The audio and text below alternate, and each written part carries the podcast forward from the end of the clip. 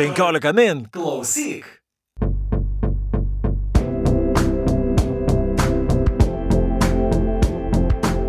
Sveiki gyvi 15 min e, skaitytojai, 15 min klausytojai, su jumis sveikinasi e, laida Perskaitimai, ir e, kurioje mes kalbame apie knygas ir kaip visuomet šioje laidoje jos šeimininkai esame mes, aš Audrius Ožalas. Ir aš Juratė Čerškutė. Ir šiandien mes pakalbėsime apie rašytoją Perą Petersoną. E, ir pakalbėsime todėl, kad visai neseniai pasirodė jo nauja knyga lietuvių kalba Mano likimo broliai.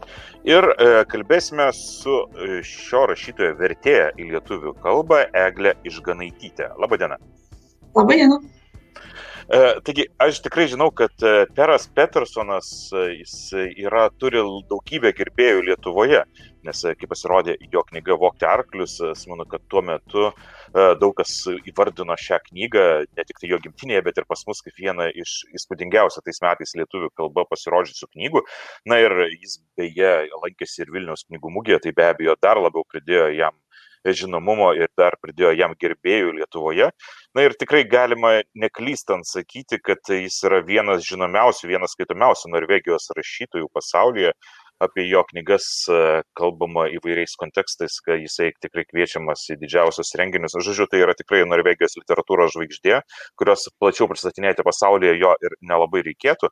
Na ir šiandien vis tiek mes daug pakalbėsime ties ir apie Perą Peter, Peter, per, per Petersoną plačiau ir kalbėsime apie e, jo kūrybą plačiau, tačiau visgi daugiausia dėmesio skirsime būtent šiai naujai knygai Mano likimo broliai. Tačiau pradžioje aš visgi norėčiau uh, paklausti pačios vertėjos, kaip atsirado šis rašytojas Lietuvoje, e, kaip e, jums, kaip jums pačiai kilo mintis versti šią knygą, ar tai buvo tiesiog leidyklos sprendimas, ar čia jūs pati atradote šį rašytoją ir nusprendėte, kad tikrai labai reikėtų mums šio rašytojo knygų lietuvių kalba, kaipgi visgi buvo na nuo nuo tų laikų jau praėjo daugiau kaip penkiolika metų tai jau taip tiksliai atsekti kaip ten ta kas buvo yra gan sudėtinga galbūt galbūt tai buvo toks bendras bendras sprendimas nes mes su leidykla tyto alba e, su Jurgita Udavičiane vis pabendraudavome, kas galėtų būti įdomu lietuvių skaitytojai.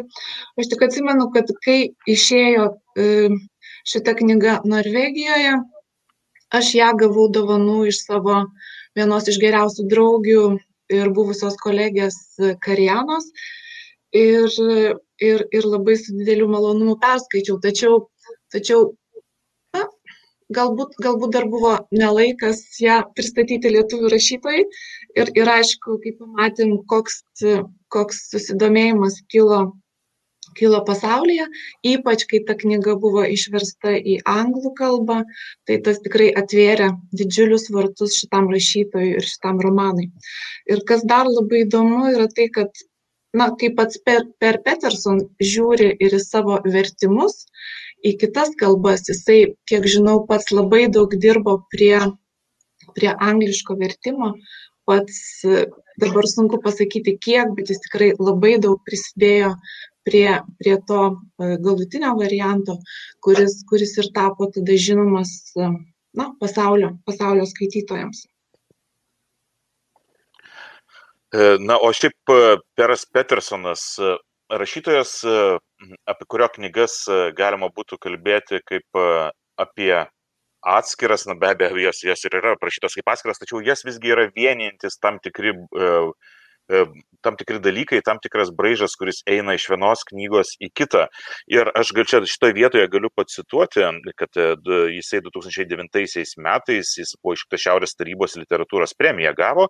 Na ir vertinimo komitetas e, apibūdindamas už tai, tai dėl ko Peras Petersonas gavo šiaip dovanojimą, skelbė. Poetiškai ir ramiai Petersonas kalba apie tai, kaip sunku papasakoti kitiems apie dalykus, kurie yra svarbiausi.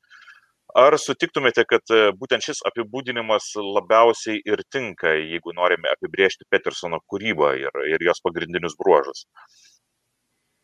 Mm, tikrai taip, vienas, vienas iš tų bruožų.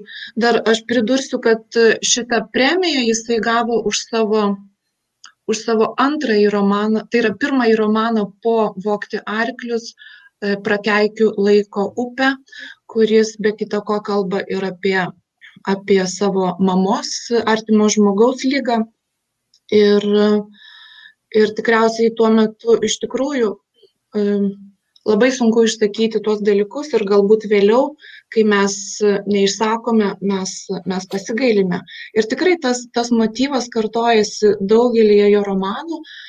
Ir, ir pats Per Peterson, jisai, jisai mėgsta, mėgsta jungti savo romanus į, tam, į tam tikrus ciklus. E, paminėsiu pavyzdžiui, kad e, naujajame romane Mano likimo broliai pagrindinis herojus yra Arvidas Jensenas, tačiau, tačiau jisai veikia ir daugelį kitų jo romanų, išskyrus galbūt Vokti arklius ir, ir dar porą kitų knygų. E, tai kaip rašytojo alter ego, jisai netgi rašytojas kartais vadina jį savo dubleriu, kuris galbūt priima, priima tuos smūgius, kuris, kurie, e, kurio nepriima, kurių nepriima pas rašytojas. Ir įdomu tai, kad juos taip pat sieja tam tikri autobiografiniai elementai. Tai, kad juos vienyje ir ta pati profesija, ir jie užaugę tame pačiame rajone, taip pat kilę iš panašios šeimos, kaip ir rašytojas jaunystėje priklausė marksistų leninistų judėjimui, kurie taip pat garbino Mao Zedūną. Ir juos taip pat vienyje katastrofa tai, kad 1990-aisiais e, e, kelto gaisre jie neteko beveik visos šeimos. Tai, tai iš tikrųjų tų, tų bruožų labai daug. Ir taip pat ir įdomu tai, kad tą paskutinį romaną m, mm, tam tikri elementai sieja ir suvokti arklius. Nors vokti arklius romane ten jau, na, nėra, nefiguruoja Arvidas Jensenas. Ten yra visai kita istorija, visai kitas pasakojimo stilius ir, ir kiti herojai. Aš dabar jau noriu įsiterpti ir dar mūsų klausytojams priminti tą tokią žavę detalę, kad jeigu Per Peterson pasaulį išgarsėjo su savo romanu Vokti arklius, tai ir už šito romano vertimą į lietuvių kalbą Eglė Išganaitytė gavo cecho apdovanojimą, tai yra metų vertėjo kreslą. Man čia toks gražus jūsų tarsi abiejų ir autoriaus ir vertėjo toks išėjimas į pasaulį. Ir aš Eglė noriu klausti, nes mes jau pradėjom kalbėti apie tą naują romaną, e, bet vis tiek norėtųsi mūsų klausytojams tų tokių kelių sakinių, kaip jūs tiek daug laiko praleidusi su tuo romanu, vat keliais sakiniais apibūdintumėt, tai apie ką yra šita istorija pasakojama knygoje Mano likimo broliai, kur ir toks jau pavadinimas kažkaip tarsi fatališkai nuteikia, ar ne? Taip, galbūt pradėsiu dar ir nuo paties pavadinimo. E, tikrai reikėjo pasukti galvą, kaip, kaip perkti, perteikti jį e, lietuvių skaitytojai, nes jeigu pažodžiui išverstume pavadinimą, tai yra tiesiog vyrai atsidūrė tokioje pačioje situacijoje kaip aš, tai yra vyrai mano situacijoje, vyrai, kurių, kurių padėtis yra tokia pat kaip mano. Ir, ir šitas leitmotyvas iš tikrųjų kartojasi, kartojasi keliose vietose per visą romaną. Tai yra tai, kad e, tas herojus pagrindinis Arvidas Jensenas, jis apmasto ne tik savo, savo situaciją, savo savo tą, tą krizę, kurią išgyvena, tačiau jis visą laiką galvoja ir apie savo likimo brolius, kad ir, kad ir toje, e, galiu šiek tiek, šiek tiek pacituoti, kaip, kaip vyrai kaip vyrai dažnai at, išgyvenantis kritinę situaciją, kaip jie, tarkim, e, galbūt jiems sunku apie tai kalbėti, bet jie priebėgos ieško ne kur kitur, o savo automobilyje, kurie galbūt susirango gemalo pozą ir, ir praleidžia ten savo naktį. Tai, na, iš to, iš to vieno iš pagrindinių motyvų matyti, kad kalbama apie, apie e, krizės, kurios ištinka gyvenime ir čia galbūt ta krizė e, daugelybė Arvido Jenseno atžvilgiu. Ir, ir dar svarbu tai, kad e, šitos, e, jis kalba apie skirybas, jis kalba apie išgyvenamą gedulą netekus, netekus šeimos. Jis kalba netgi apie savo kaip rašytojo krizę, rašymo krizę. Ir be viso kito, be viso ko dar tai yra ir Oslo romanas, kuriame, kuriame labai, labai nuosekliai, labai smulkiai aprašomos vietos, kuriame, kur, kuriuose rutuliuos veiksmas. Tai, na, tai žodžiu, romanas apie tai, kaip į krizę reaguoja vyras, kaip reaguoja vyrai.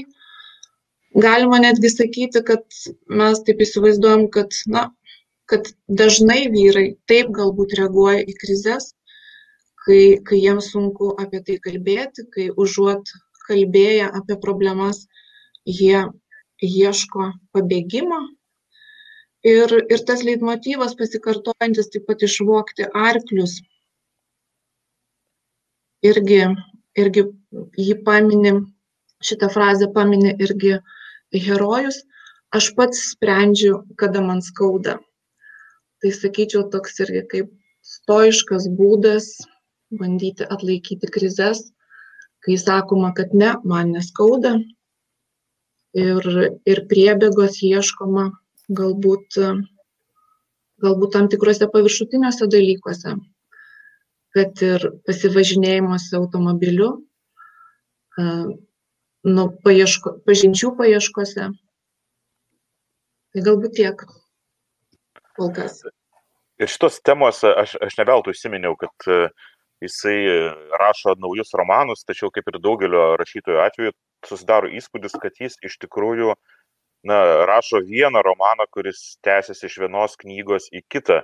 Ir tas autobiografiškumas man man įdomu nes pats rašytojas sako kad e, jisai taip jisai pasakoja dažnai apie savo gyvenimą nes niekam ne paslaptis kad e, jisai pats patyrė tą tą tragediją kai žuvo didžioji dalis jo šeimos ir šiame romane irgi yra rašoma apie tai tačiau jis pats sako kad na tai nors tai remiasi autobiografiškais faktais be abejo romanai yra romanai tai yra iš tikrųjų ne tai nėra nėra non fiction kūrinys tai yra visgi fikcija.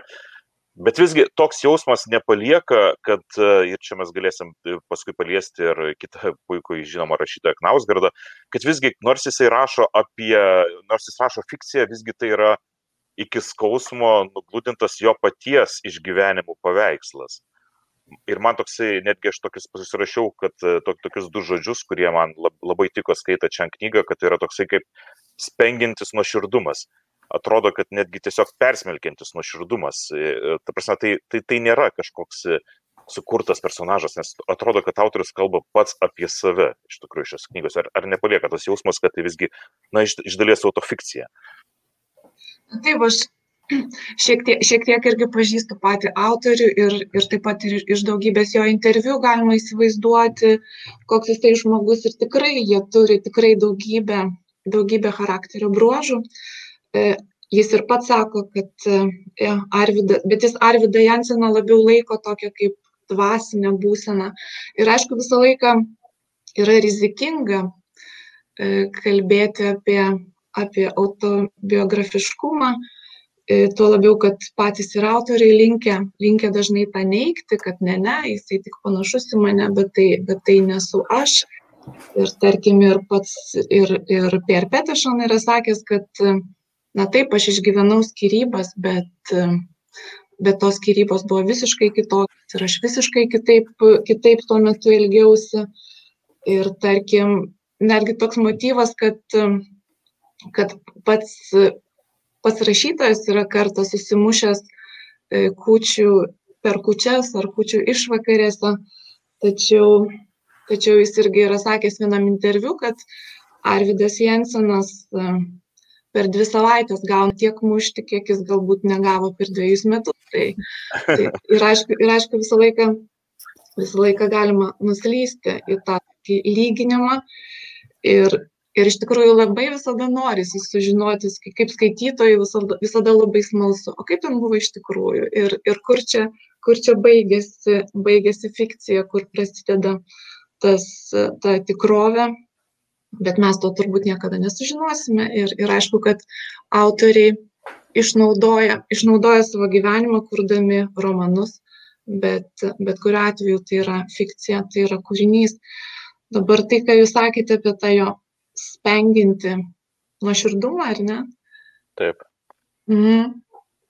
Ir taip, tas iš tikrųjų, iš tikrųjų jisai toks rašytojas, kuris galbūt neturi, neturi konkrečios fabulos, neturi, neturi, kaip šiuo atveju, kažkokios labai, labai ryškios linijinės istorijos, tačiau jis kūrė, jis kūrė atmosferą.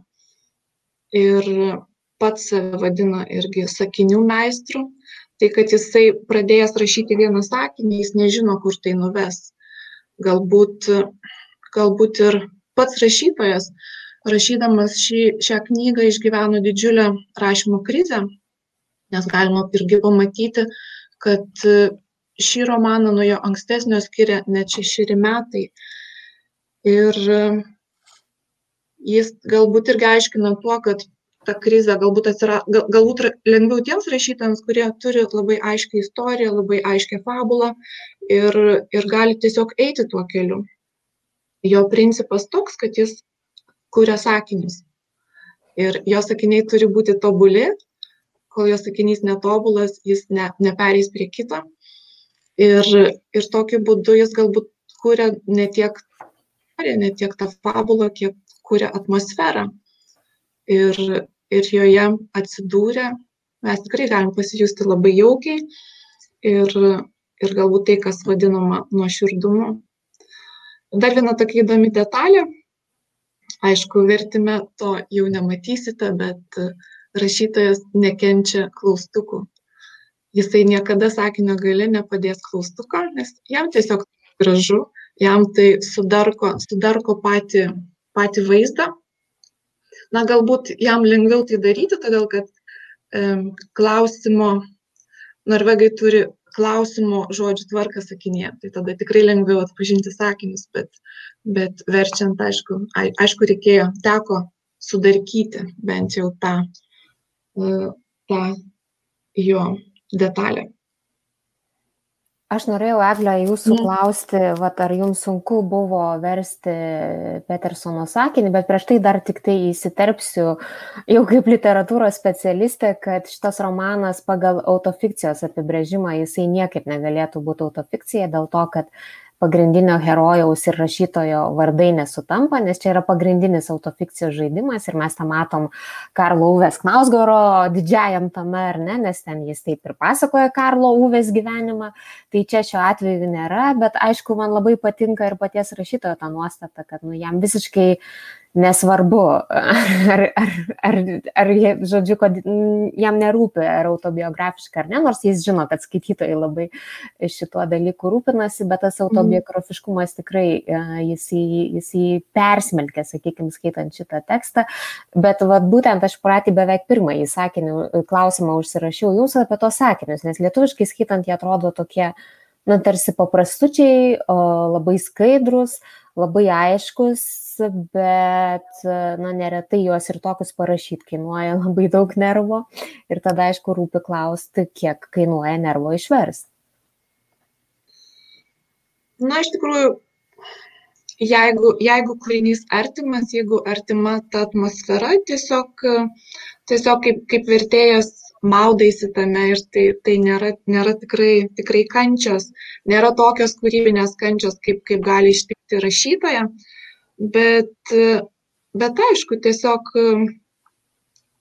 kai žinai, kad pats rašytojas tiek dirba su, su, kūrinio, su kūrinio formu, su sakinio skambesiu, ritmika, tai, tai be abejo tas prideda, prideda tam tikrų, tikrų pasakų ir tas taip pat irgi be abejo, bet, bet kurį kūrinį verčiant irgi labai pravartu tą garsiai netgi pasiskaityti, pasižiūrėti, ar yra tas skambesys, ar, ar tas sakinys e, vingiuoja nesutikdamas kažkokių e, nereikalingų kliūčių.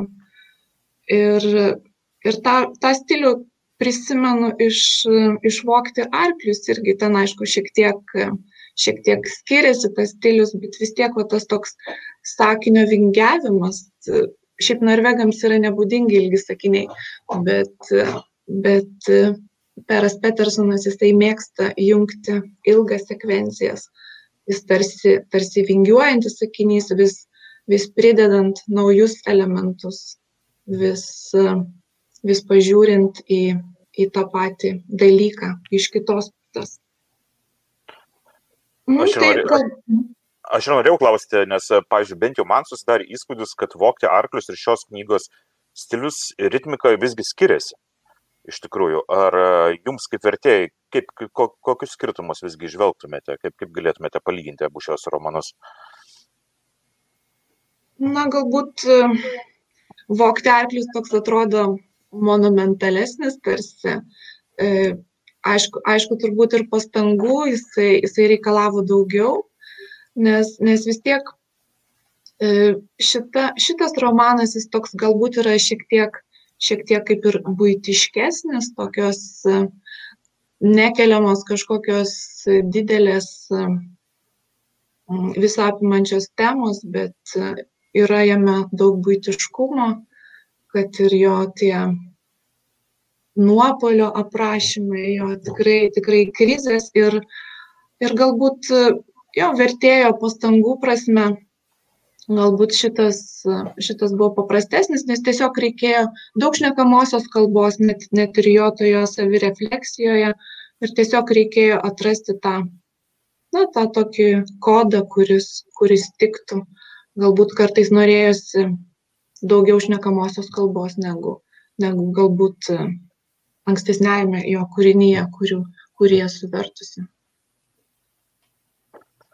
Ir aš norėjau klausti apie Oslą. Jūs irgi jau, jau pačioje pradžioje paminėjote, kad e, tai yra knyga ir tarsi toks, e, na, tarsi, tarsi kažkoks Oslo žemėlapis. Aš įsivaizduoju, kad kai kuriuos skaitytojus, na, bent jau aš skaičiuoju ir atsiliepimus kai kuriuos, mm. kad juos netgi nervina iš tikrųjų, kai jisai aprašo, pasukau iš tos gatvės ir jeigu pas, nuvažiavau į tą aikštę, pamačiau tą pastatą po kairę ar po dešinę ir tie žmonės, kurie tame Osle net galbūt nėra buvę, jie na, tiesiog netgi praleidžia prokis, nes, na, kas čia, kodėl reikia taip detaliai, taip smulkiai prašinėti. Tačiau vėliau bent jau man, aš nežinau, gal čia toks klaidingas įspūdis susidarė, kad visas tas aprašomas vietovaizdis apie visas tas e, mirus, galbūt ir pilkas Oslas, tarsi pertekė jo paties būseną tarsi, tarsi tas pats herojus, kuris yra, kaip e, žinia, nedaug žažiaujantis, nelabai išaiškinti savo jausmus, jis tarsi tais aprašymais to, tų, tų, tų vietovaizdžių, pro kuriuos važiuoja, tarsi, tarsi tie vietovaizdžiai atliepia jo paties vidinę būseną. Ar, ar, ar čia tokia klaidinga interpretacija? Na, aišku, čia taip, jis, jis. Jis, jis tarsi save įprasmina, lygiai taip pat kaip jis e, ištiktas kažkokios krizės eina ieškoti priebėgos į automobilį, kas yra labai saugu, kas yra labai uždara erdvė. Lygiai taip pat ir jis juda, juda, metam, juda osle, tomis iki skausmo pažįstamomis gatvėmis, kur, kur, kur, užaugo, kur užaugo ir jo tėtis. Ir aš irgi galvoju apie tai versdama ir irgi esu gavus atsiliepimų, kad, hmm, kam čia tų tiek vietovardžių. Ir, ir be abejo buvo buvo gan sudėtinga juos ir lietuvinti ir netgi ir. Tačiau, tačiau mes turbūt skaitome jau ne pirmą Oslo romaną, yra ir, pavyzdžiui, Larsas Sobi Kristensenas, kuris, kuris irgi garsėja savo, savo Oslo romanais, jis irgi yra verstas į lietuvių kalbą. Ir taip pat ir garsusis jų jaunėsbė, netgi yra kilę kilę minčių netgi bandyti sudaryti sąrašą Oslo vietovardžių, kaip mes juos vadinsime lietuviškai. Tačiau kita vertus, aš, aš taip pat galvoju apie tos lietuvius, kurie, kurie jau daugybę metų yra praleidę Osle arba kuriems, kuriems tas pažįstama. Ir aš tada galvoju, kad jiems galbūt buvo, buvo visai ir įdomu, įdomu m, mm, apie tai paskaityti. Bet taip, versdama šitą romaną, aš irgi ats, buvau atsivertusi Oslo žemėlapį ir tiesiog pati turėjau įsivaizduoti, kur vyksta judėjimas. Ne tik, na, tai nebuvo vien tik Oslo, Oslo žemėlapis. E, Arvidas Jensenas juda taip pat ir už Oslo ribų, važinėja po rytų Norvegiją, netgi išvyksta į Švediją ir atsisėda mažoje kavinukėje, kai jam rašymo krizė ir kai jis nori, kai jis nori atsidėti vien rašymui ir, band, Čia... ir bando pajudėti iš vietos. Mhm. Aš jau čia irgi įsiterpsiu, nes nesu buvus Osle, bet būtent iš Nesbių romanų Muitinės gatvė man kažkaip toks jausmas, aš kaip sena pažįstama, o, pažįstu šitą vietą, viskas gerai. Ir aš kaip tik skaičiau atsiliepimų kitų žmonių, kurie sakė, kad, nu, pavokti arklius, gal šitas romanas toks nelabai įdomus, bet vat, bent prisiminiau Oslą, bent po jį pavaikščiojau, pabuvau. Ir man čia labai susiveda su šito dalyku, ką mes kalbam apie tą tokią literatūrinę geografiją. Du dalykai. Tai pirmas, ką ir pats autorius e, vieną interviu, vien, viename interviu, e, jisai tiesiog irgi pats truputį ironiškai juokdamasis iš savęs pripažino tą savo savybę, kad jam pačiam reikia labai tiksliai parašyti, kur ties kokį kampų, į kokią gatvę pasuko. Ir tada jau jis kaip prityręs uh, skaitytojas e, prisipažįsta, kad e, galbūt būtent tokie aprašymai literatūroje, pavyzdžiui, jam sukuria tą iliuziją, kad jisai e, geriau pažįsta Paryžiaus gatves negu kokio ten tolimesnio Norvegijos miesto, nes tiesiog yra išskaitęs tą iš literatūros. Ir dabar natūraliai prie, norisi prieiti prie to skaitimo ir rašymo refleksijos, kuri yra šitoje E, knygoje ir yra labai graži e, frazė ir toks visas pasažas Arvido Jenseno, kuris jau tam knyginę Švedijoje sako, kad po kiekvienu viršeliu yra atviros duris e, visi kitą gyvenimą ir net vieną kartą herojus sako, kad jisai skaito vien tam, kad nežlugtų ir e, iš tikrųjų tas bandymas pažinti miestus per skaitimą ir skaitimas kaip išsigelbėjimo ratas, tai kažkaip yra labai įdomios temos. Ir Eglė, aš noriu jūsų klausti, nes jūs vis tiek daugiau skaičius ir sekus Petersono recepciją, kiek aš čia besiruoždama mūsų pokalbį užmečiau akį, tai jis yra iš tų rašytojų, kuris nevengia kalbėti apie skaitimą ir net, sakyčiau, kažkaip pabrėžti to skaitimo svarbos žmogaus gyvenime, ar kaip?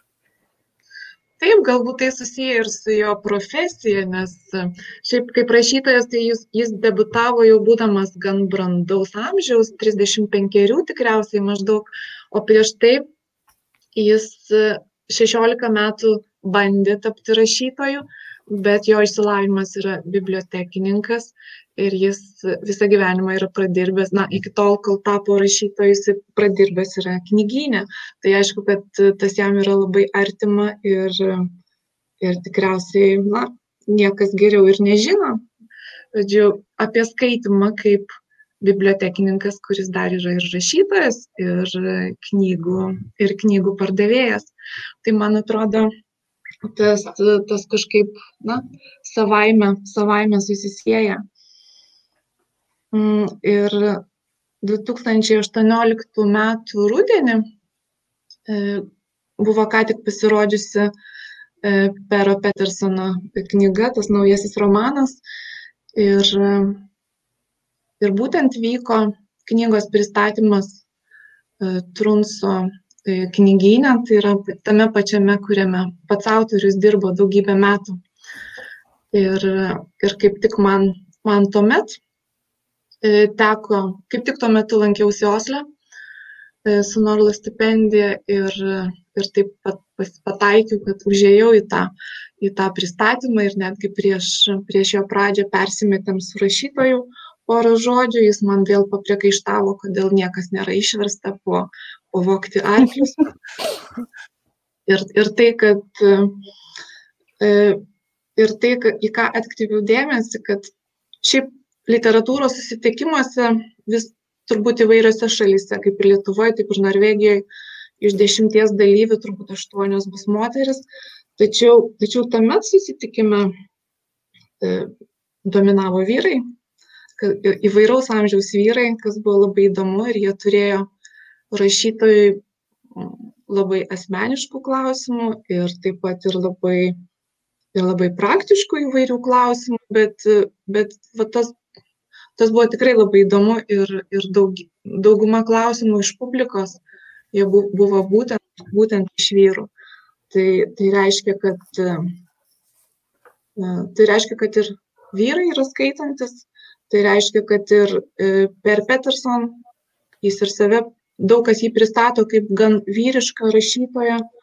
Na ir šiame romane e, problemos būtent gvildenamos iš vyro perspektyvos ir matytas e, patraukė nemažai vyrų skaitytojų, kas yra, kas yra, irgi yra, yra ir įdomu, ir, ir džiugu. Nežinau, kaip bus Lietuvoje.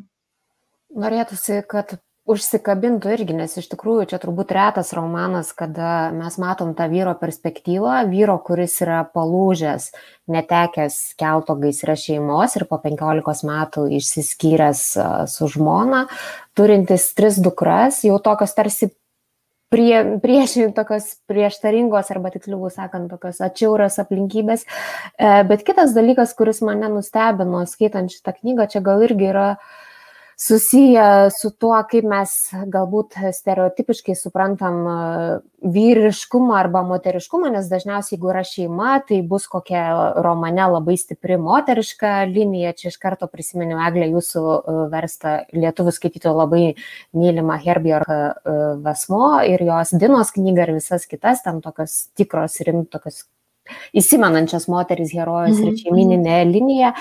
Bet štai čia santykis su šeima yra labai specifinis ir man, mane tikrai nustebino, kad taip atvirai a, autorius kalba a, ir net pacituosiu sakinį, toks jisai trumpas, bet absoliučiai žiaurus, mano manimu, ir cituoju to, ko negaunu iš jų dabar, negavau ir jiems gyviems esant, citatos pabaiga.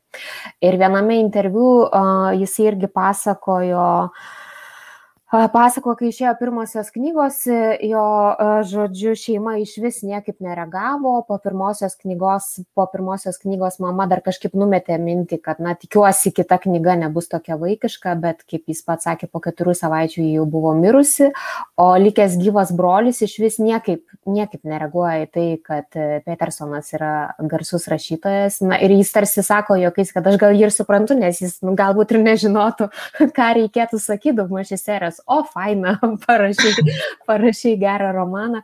Bet va šitas santykis su šeima, jisai toks, man atrodo, retas taip, kaip rašo Petersonas, nes Karlas Kuvetnausgaras tą santykį su šeima rašo dar kitaip, mano manimu, čia mes galim diskutuoti. Bet va šitas užsiminimas šeimos, ar aš klystu, kad čia tokių gan žiaurių pasažų yra. Aš apie tai tiesą sakant nepagalvojau, kad tai žiauru, kažkaip aš, aš gal buvau per daug įsigyvenusi tą herojų ir žiūrėjau viską tik iš jo perspektyvos ir negalvojau, kaip būtų, per, tarkim, iš žmonos perspektyvos gyventi su tokiu vyru, kuris, kuris nekalba, kuris vengia konfliktų, kuris, kuris atsi, atsiriboja ir jeigu jam sunku tiesiog tiesiog nutyli ir ir net neina į tas diskusijas. Bet bet taip tas tas toksai juntama galbūt vienas vienas dar iš viena iš tematikos viena iš temų tai būtų vienatvės tema. Ir vėlgi ta tema vienatvė ji gali būti e, galbūt na ir egzistencinė ir ir paties sukelta ir galbūt e, būdinga tam herojui Arvidui Jensenui, kad jis, e, aišku, ir dėl krizės, bet, e, bet jam sunku kurti santykius, kad ir, kad ir su kitomis moterimis, kai jis pajunta, kad, kad gali būti kažkoks artumas, jis, jis nuo to bėga ir, ir visos jo, jo istorijos su moterimis tampa kaip ir vienos, vienos nakties nuotykiais, nes ypač kai jis pajunta, kad gali būti galbūt kažkas daugiau.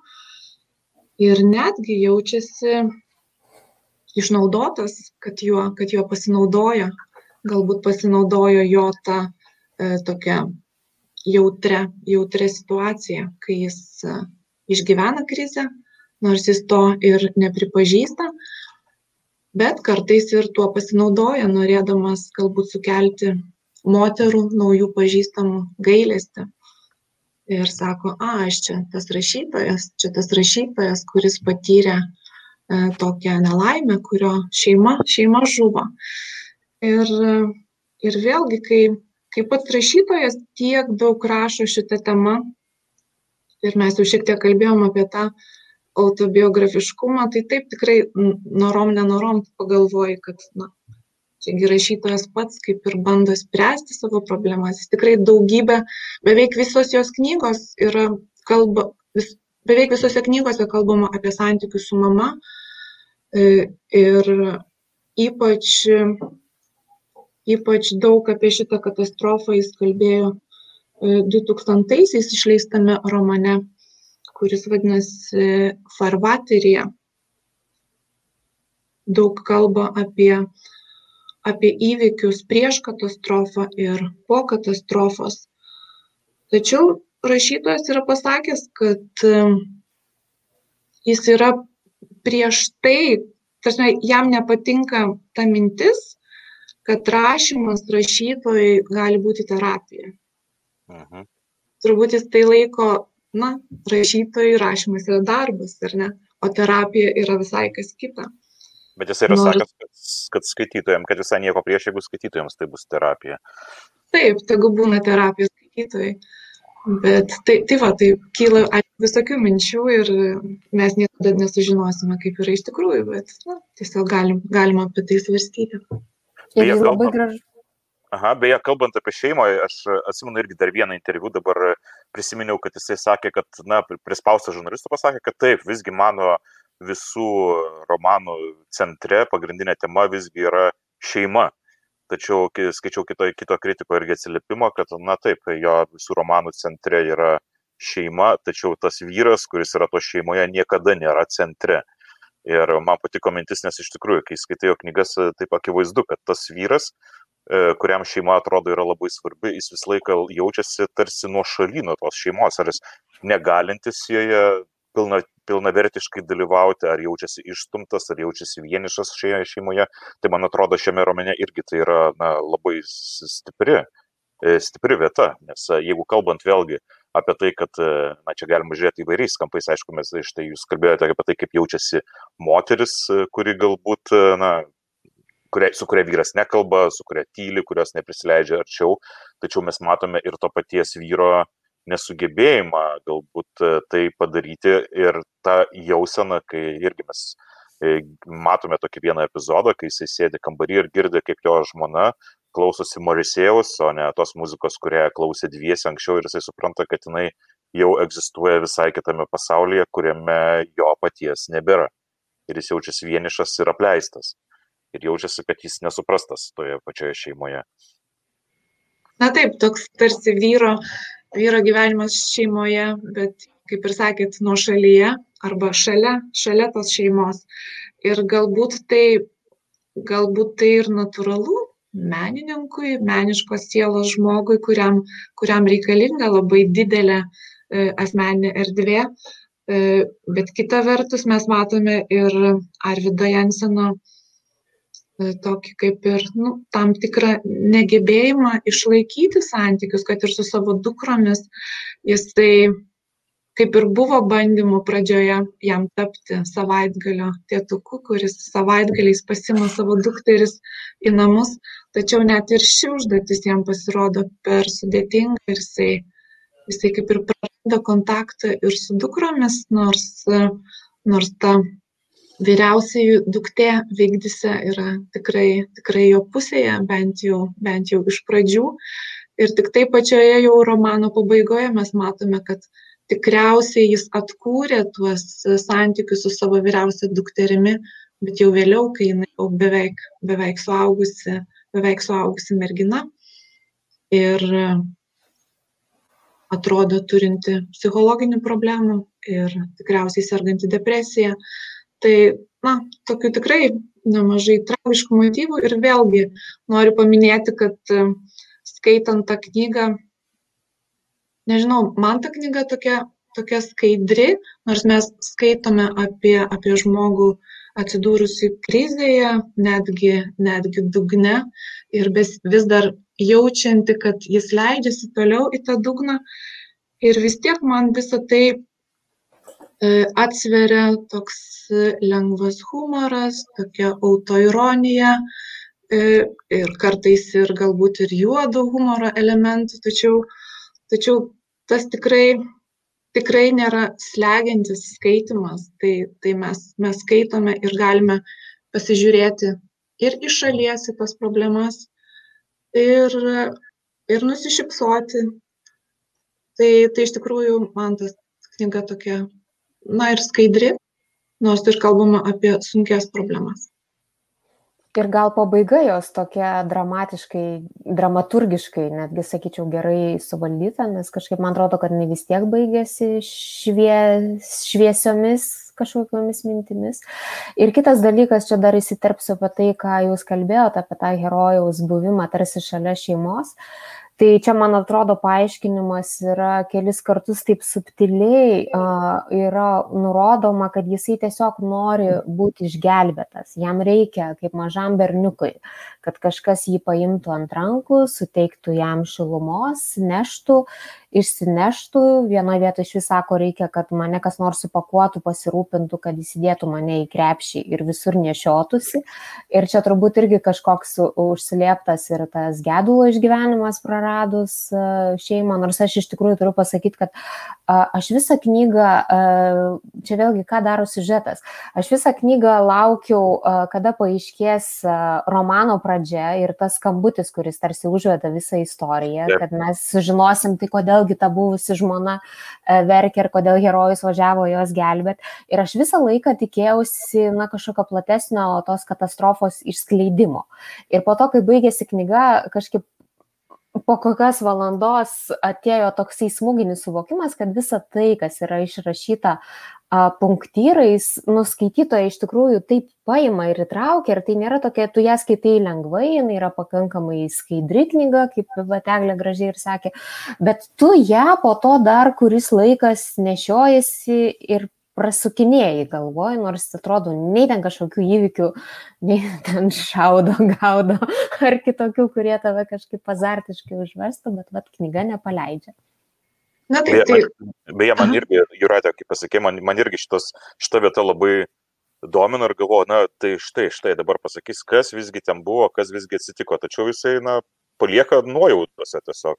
Pats skaitytojas gali susidaryti įspūdį, kasgi visgi ten įvyko ir interpretacija. Jis, jis, nėra, jis nėra detektyvų autoris, turbūt, turbūt niekada juo ir netaps. Uh, uh -huh. Jo, ir, ir jo, kaip ir minėjom, kad tai nėra tokios labai vienos linijinės fabulos, bet yra daug, daug situacijų, daug gyvenimo situacijų, kurios, kurios eina, eina viena po kitos. Galbūt tas irgi man įsiminė labai tas vaizdinys, kai jo sapnai kai jisai sapnuoja, kad e, jaučia, kad jis jau gali pasileisti, kad nebegali laikytis, jis nori tiesiog kristi ir, ir nesvarbu, kas bus toliau. Bet kai jis pradeda kristi, e, grindise atsiveria liukas ir jis krinta dar giliau ir dar giliau ir, ir nežino, nežino, kur tai sustos, kur, kur bus dugnas. Tai, tai va tokių tikrai gražių, e, gražių motyvų, kaip ir, kaip ir tas arklio motyvas, kuri arklys, kurį, kurį e, Arvidas sutinka vienu iš, vienu iš sudėtingiausių momentų savo gyvenime, kai jis vėlgi ieško tos e, e, priebėgos gamtoje. Jis tiesiog pernakvojęs automobilyje, iš ryto pamato iš rūko išnyrantį arklį, su juo jis pasidalyja savo pusryčiais ir išgyvena tokį tokį gražų, gražų artumo, galbūt artumo su gamta. Ir supratimo, ar nebuvo, atsiprašau, pertrauksiu tokio supratimo, nes taiga atrodė, kad tas arklys yra tas knygos herojus, kuris supranta pasakotoje. Kažkoks toks įspūdis buvo.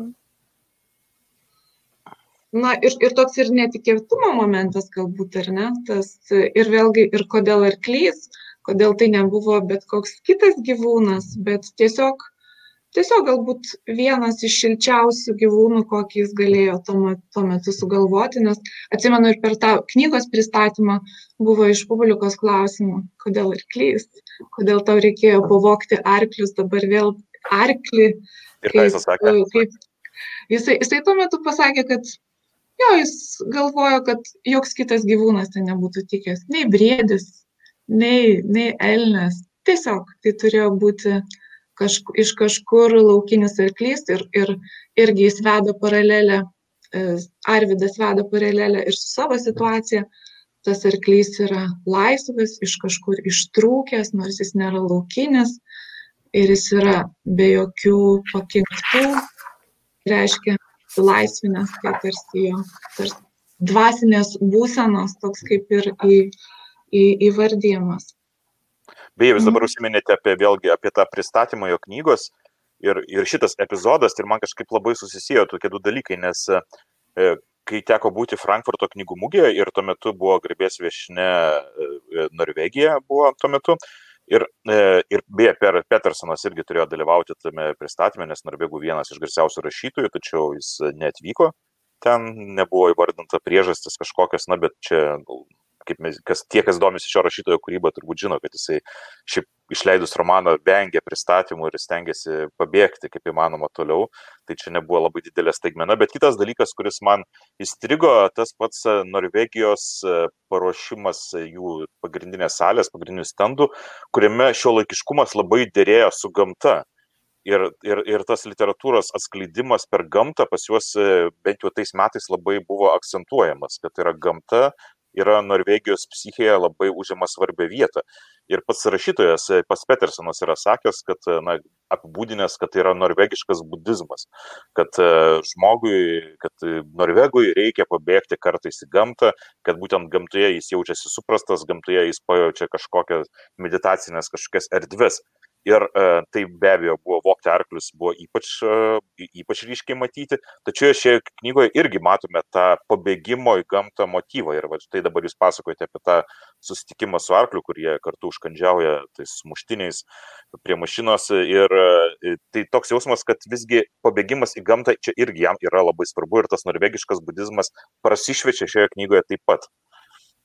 Aš tik tai įsiterpsiu, papildysiu citatą, nes kitame interviu skaičiau, kur Petersonas sako, kad norvegai turi tris kraštovaizdžius. Vienas yra Oslas, antras yra Norvegijos kaimas, Norvegijos gamta ir trečias Jutlandija. Ir iš esmės, man atrodo, ir, ir jisai sako, ir Norvegui to absoliučiai pakanka. Tai šitoj knygoje gal Jutlandijos turbūt nėra, bet Oslas ir tas jo pabėgimas į gamtą, ką čia Audrius sakė, tai kažkaip akivaizdu, ar ne?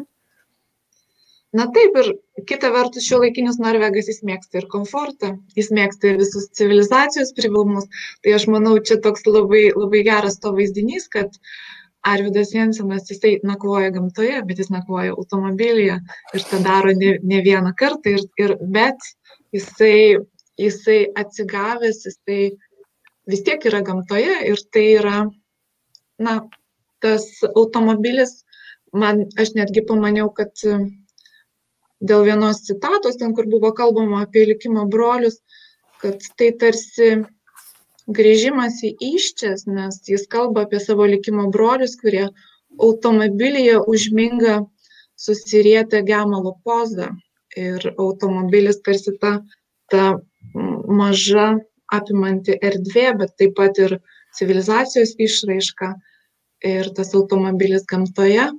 Na tai man tai tarsi tas daug, ne, ne vien prasmiškumas to, to ryšio su gamta, kad tai yra ir, ir viena, ir kita.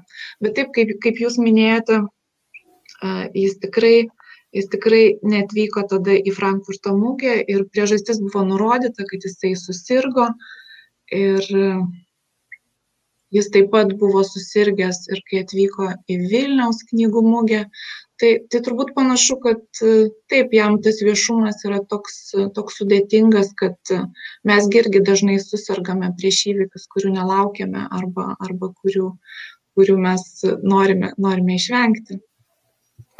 Ir aš noriu, dabar mes jau truputį pradėjom tokį platesnį dalyką šnekėti ir aš kvieščiau, kadangi Eglė tikrai išmano ir yra išvertus daug knygų garsių norvegų, kurių lietuvių skaitytojai tikrai myli ir, tarkim, Sofijos pasaulio rašyto Garderio romanus. Ir jūs esat pirmojo Knausgoro romano Anapus pasaulio vertėja, knygos beje, kuri man tais 2002 metais absoliučiai, tikrai tiesiai pasakysiu, nurovė stogą. Aš skaičiau ją sesijos metu ir iš vis aš neprisimenu, kaip aš laikiau egzaminus, aš tik prisimenu gyvenimą Karlo Uves Knausgoro knygoje. Ir mes jau tarsi nemažai turim tų norvegiškų knygų. Ar galėtume kalbėti apie kažkokį norvegišką siužetą? Vat kokie dedamieji būtų, jau čia turbūt tas kraštovaizdis, pabėgimas į, į, į gamtą. Man kažkaip atrodo, kad gero norvegų rašytojo knyga turi turėti tą vidinį pokalbį su savimi, tą savirefleksiją, kurią gal aš beje pirmą kartą taip ryškiai kertančiai būtent ir pajutau skaitydama Knausgoro Anapus pasaulio.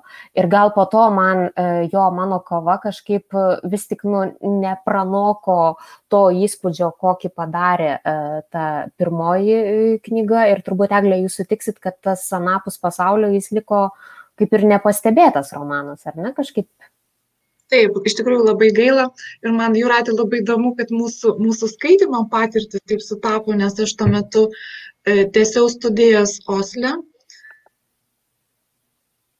ir man irgi artėjo egzam, galutinis egzaminas, atsiskaitimas, bet aš irgi paėmiau į rankas tą jo kūrinį e, į tą vardin, anapus pasaulio ir irgi negalėjau atsitraukti, nors manęs laukia egzaminas.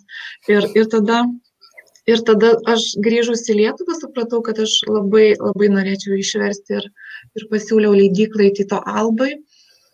Ir nežinau, nežinau kodėl, kodėl tada nesu, nesu nesulaukė, mm, nesulaukė tokių gerų atsiliepimų. Galbūt, kad, galbūt daugeliu ta knyga dar buvo, atrodė tokia nepaskaitoma, galbūt lietuviai dar nebuvo pripratę prie tokio tipo literatūros. E, ir aš, bet girdėjau atsiliepimų iš, iš draugių, kurios skaitė, sakė, na čia knyga yra tokiam tikram skaitytojui.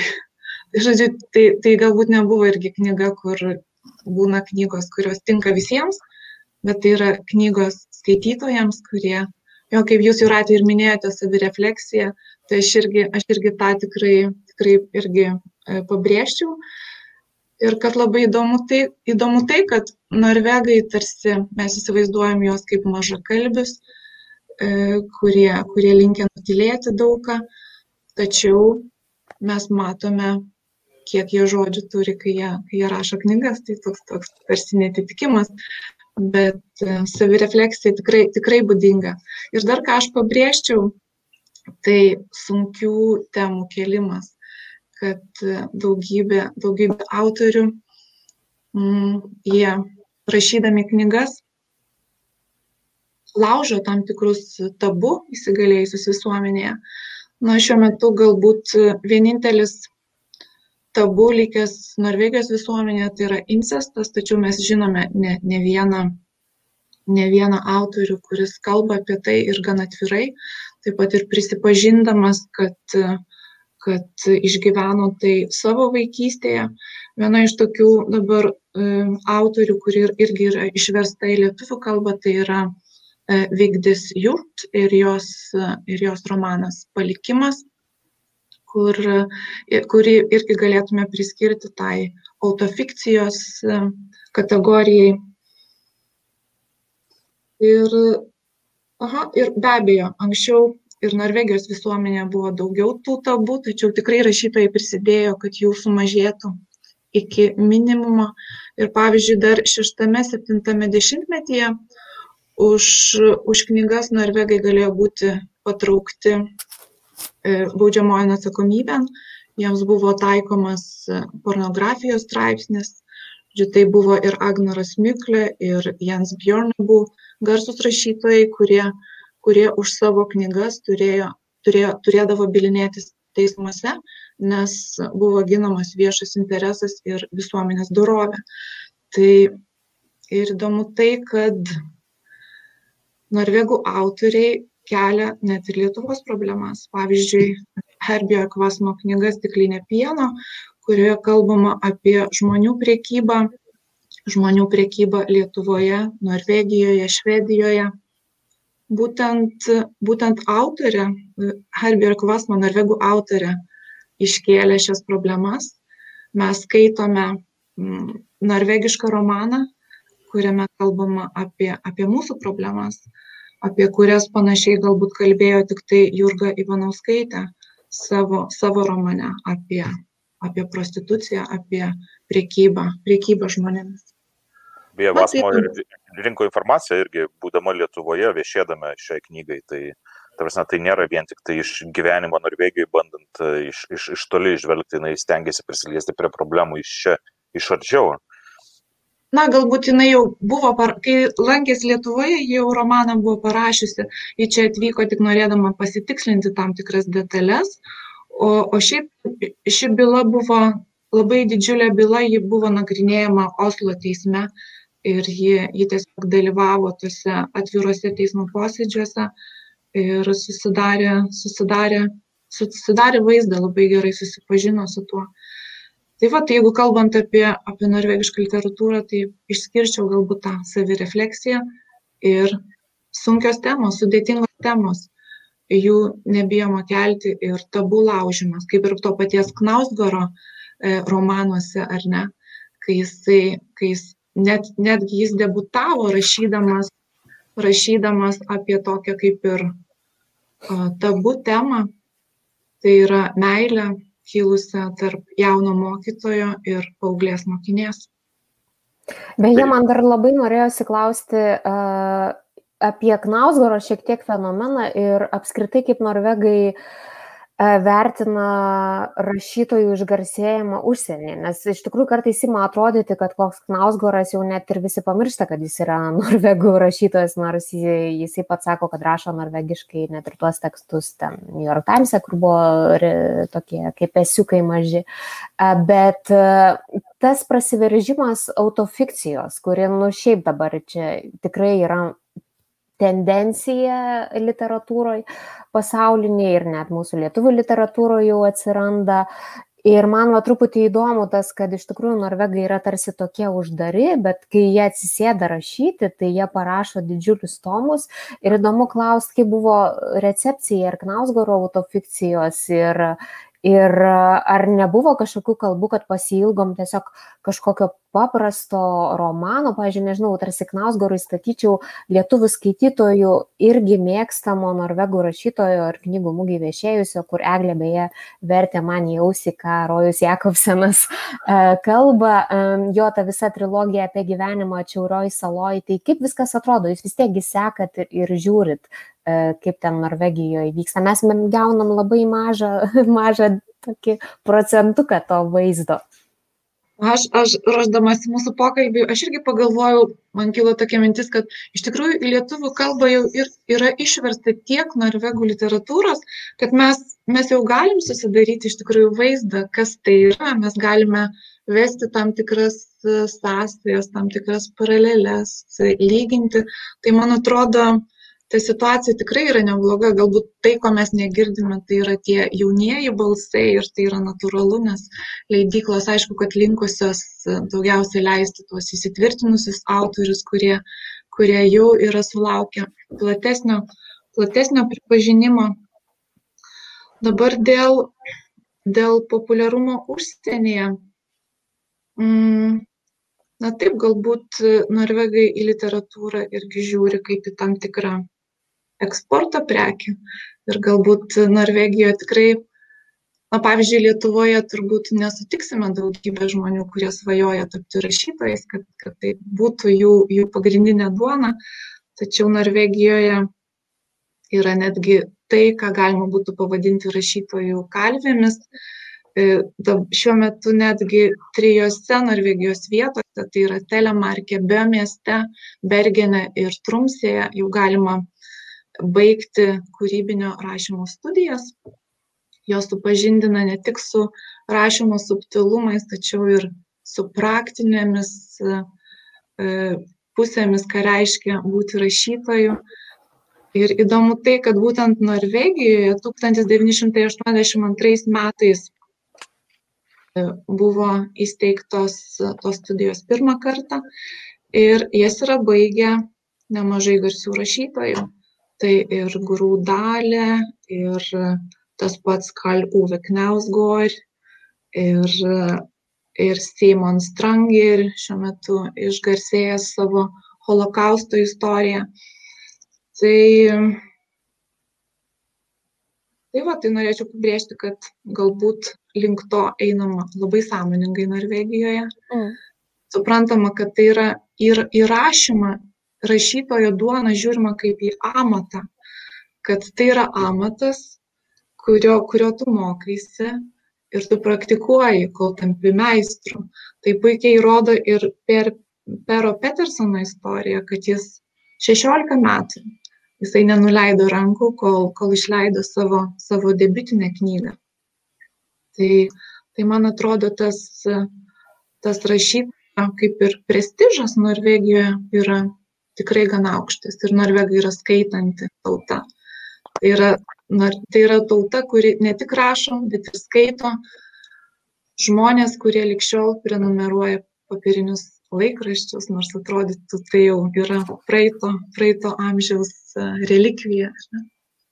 Ir beje, iš žurnalistinės pusės galiu pasakyti, kad e, Norvegija iki šiol vadinama viena iš labiausiai skaitančių pasaulyje popierinius laikraščius, taigi visgi dar tos tradicijos išlieka, kur karta iš kartos prenumeruoja tos pačius laikraščius. Tai na, ir vadinama viena iš labiausiai skaitančių ir knygas, ir laikraščius, e, ir visą žiniasklaidą apskritai vartojanti tautą pasaulyje. Na ir paminėjote, kad e, rašytojai turi prestižą Norvegijos visuomenėje, tai mes matome ir šios knygos, kur E, pagrindinis personažas vis yra atpažįstamas, kad jis yra rašytojas, nors jis ir gal nėra pirmo ryškumo žvaigždė, bet žmonės sutinka ir sako, kad štai mes matome, mes žinome, kas, kas, kas tu esi, tu esi rašytojas. Tai vėlgi ir knygoje parodoma, kad na, jis nėra toks jau, vis, ta prasme, kad ta profesija visgi yra vertinama visuomenėje, kad tai yra prestižinė. Mhm. Ir jinai nėra suprantama turbūt kaip pas mus daugelio norinčių būti rašytojų, kad tiesiog reikia sulaukti kažkokios mūzos ir jinai nuleis tekstą ant galvos, kad nėra dar to tokio stinga supratimo, kad su tekstu reikia dirbti. E, bet aš, Eklė, noriu grįžti prie, jūs užsiminėt, kad e, kai buvo 2018 metais, būtent šito mūsų šiandien apkalbamo Pero Petersono romano Mano likimo broliai pristatymę Norvegijoje, sulaukėt vėjo nuo rašytojo, kodėl nėra kitų knygų. Tai uh, iš tikrųjų, jeigu kalbėtume, ko, kokią, pavyzdžiui, kitą knygą reiktų arba norėtųsi, arba jūs labai spirgat ir norit išversti į, į lietuvių kalbą? Gal, čia truputėlį užstrigo ryšys, jūs kalbat apie, e, apie būtent Petersono kūrinius. E, ir apie Petersono, bet įsikiu įdomu ir ko mes dar neturim ir stingam ir ko galbūt tikrai reikėtų iš norvegų literatūros lietuviškai. Mm, na, man atrodo, kad e, mūsų leidyklos labai, labai puikiai seka pulsą, kas, kas vyksta įdomiausia Norvegijoje.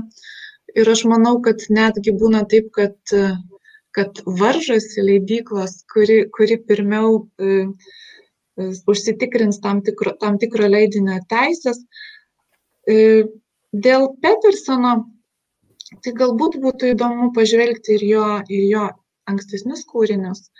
Ir galbūt viena iš priežasčių, kodėl, kodėl ne visada ryštėsi imtis, kad ir jo ankstesnių knygų, tai būtent, būtent tos sunkios temos, kad galbūt uh, galbūt kaip ir, kaip ir, vertė, kaip ir rašytojai, taip ir vertėjai kartais norisi, kad tos temos e, atlieptų tam tikras ir asmeninės aktualės ir tada tikrai daug, daug paprasčiau ir daug, daug sklandžiau vyksta ir tas darbas. Ir, ir galbūt, galbūt aš galbūt ir, ir taip sąmoningai vengiau uh, tos jo knygos, už kurią, už kurią jis buvo apdovanotas Šiaurės šalių tarybos literatūros premija, tai yra Prakeikių laiko upė, nes ten kalbama apie vėžių sergantį artimą žmogų.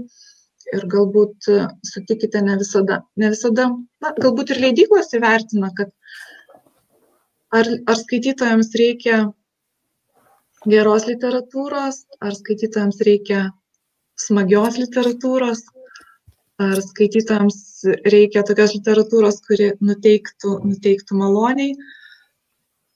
Gera literatūra ir smagi literatūra labai dažnai, na, tai nėra, tai nėra vienas ir tas pats. Bet aš manau, jeigu dabar imčiausi, tai būtent tos knygos prakeikiu laiko upę. Įdomu tai, kad pasirodo, kad prakeikiu laiko upę, aišku, jis kalba ir apie laiko tiekmę, su kuria jis nori, kurią jis nori priešintis, nori priešintis ir senatvei, ir mirčiai. Tačiau tai yra ir man Mao Dzedumo eilėraščio eilutė.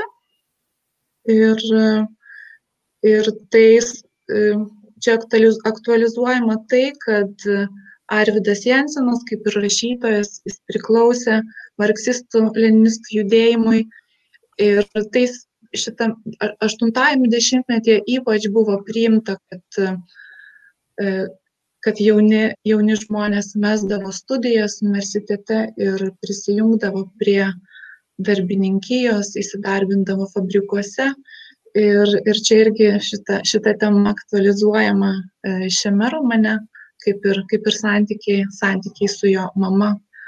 E, ir jis sužino, kad, kad jis serga ir, ir vėlgi, kaip, kaip jūs ir minėjote, kad ten kalbama ir apie tai, kas, kas, neiš, kas neišsakyta, kas galėtų būti išsakyta ir, ir dėl ko mes galbūt vėliau gailėsimės. Taip ir man atrodo, kad dar viena tokia labai svarbi tema, kuri yra paliečiama jo visose knygose, tai yra santykis su praeitimi ir šioje knygoje irgi pagrindinis personažas e, ieško atsakymų į savo praeitį ir, ir, ir savo praeities klausimus, jis susitinka žmonės iš praeities ir e, štai viena citata, kuris susitinka iš vaikystės vieną bičiulį, kuris e, sako, gali žvalgytis atgal, gali ilgėtis to, kas buvo ir kažką įsivaizduoti, bet negali sugrįžti, užbaigė jis. Tai man atrodo, čia irgi iš esmės kaip ir apibendrina tas jo klajonės po praeitis, kad, na, galbūt sprendimas yra iš tikrųjų tai, kad na, reikia gyventi toliau, nes e, man, mes matome tą patį, patį pagrindinį personažą irgi tarsi įstrigusi praeitie, ieškanti, gailinti savęs, ieškanti žmonių, kurie gali, galėtų už pakarpos ištraukti iš tos padėties, e, bet na, reikia gyventi toliau. Ir ta pabaiga lyg ir nutikė šiek tiek optimistiškai, nes lygiai kaip mes jau ir kalbėjome, kad atrodo, kad jisai na, bando naujais būdais atrasti ryšį bent jau su savo dukterimi ir bando kad suprasti, kad kaip galima gyventi toliau, kaip prisimti atsakomybę galų galiau iš kitų žmonės, ko jam iki tol gyvenime visą laiką trūko. Taip, kad jis turi dalyvauti tų žmonių gyvenime, kad jis nebegali būti šalia ir tuo pat metu palaikyti santykių su savo šeima. Hmm. Dar noriu klausti Aha. vieno įdomaus dalyko, nes mes dar nepaminėjom, kad taip, lietuvių skaitytojai irgi labai žavėjosi pirmuoju lietuviškai išverstu romanu Vokti arklius, bet pagal jį ir buvo pastatytas filmas, kuris buvo rodytas e, skanoramoje, bet kažkaip aš taip neužfiksavau, kad būtų sulaukęs bent jau tokio pačio susižavėjimo kaip romanas.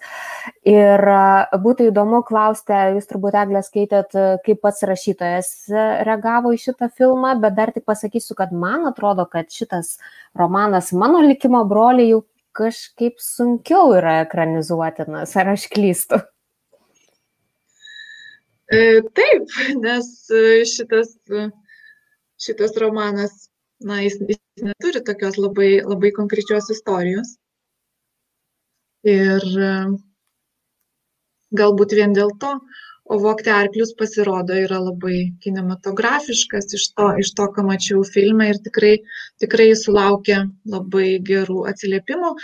Ir Norvegijoje buvo netgi e, sprendžiama, ar teikti jį Oskarui kaip, kaip užsienio, siūlyti jį Oskarui kaip, kaip užsienio filmą, tačiau buvo paskui pasirinktas, pasirinktas kitas, kitas filmas.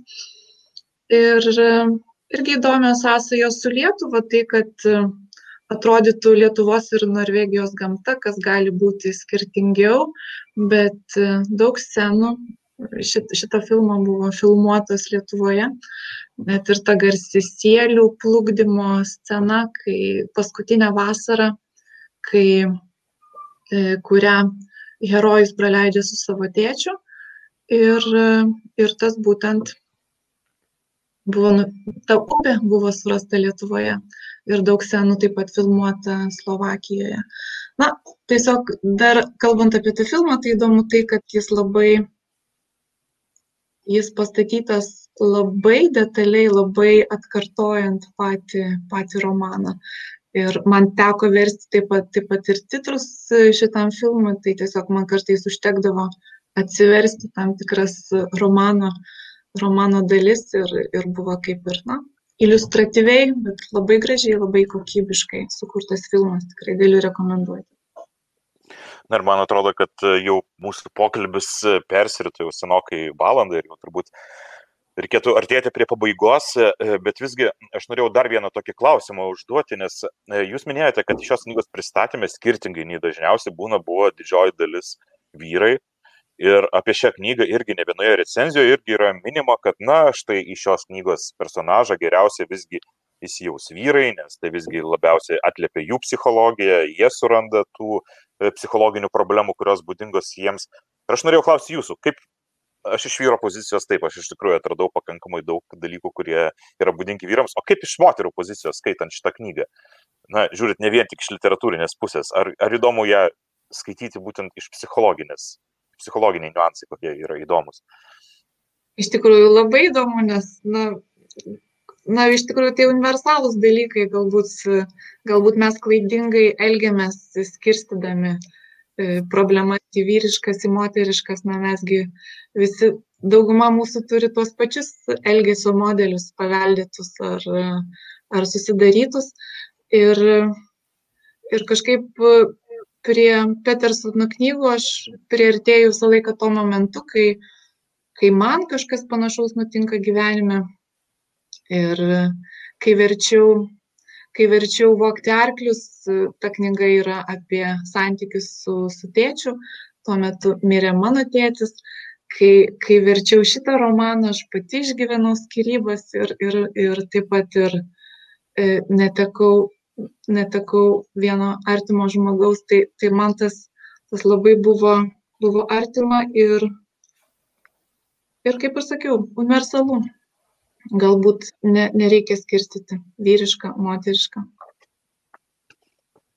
Na, be abejo, aš irgi su tuo sutinku, tiesiog e, ne vienoje recenzijoje buvo paminima, kad tai yra kūrinys, yra skirtas visų pirma vyriška auditorija, nors aš irgi esu įstikinęs, kad, na, visų pirma, tai yra tikrai labai gera literatūra ir tai yra puikus, na, tai vėlgi galbūt yra klišė, bet, na, bet visgi yra, tai yra skandinaviško romano pavyzdys nes e, tie, kas mėgsta tuos e, rimtus, gilius psichologinės problemas, sunkes temas paliečiančius romanus, tai man atrodo šita knyga tikrai turėtų patikti. Na ir be abejo turėtų patikti visiems tiems, kurie žavėjosi knygą Vokti arklius. Ir tikrai tokių yra daugybė, tikrai ne vienas tūkstantis. Ir kaip jau šio pokalbio metu paaiškėjo, kad tie, kas skaitė Vokti arklius, suras ir na, tam tikrų temų, tam tikrų būdingų bruožų, kurie buvo būdingi ten.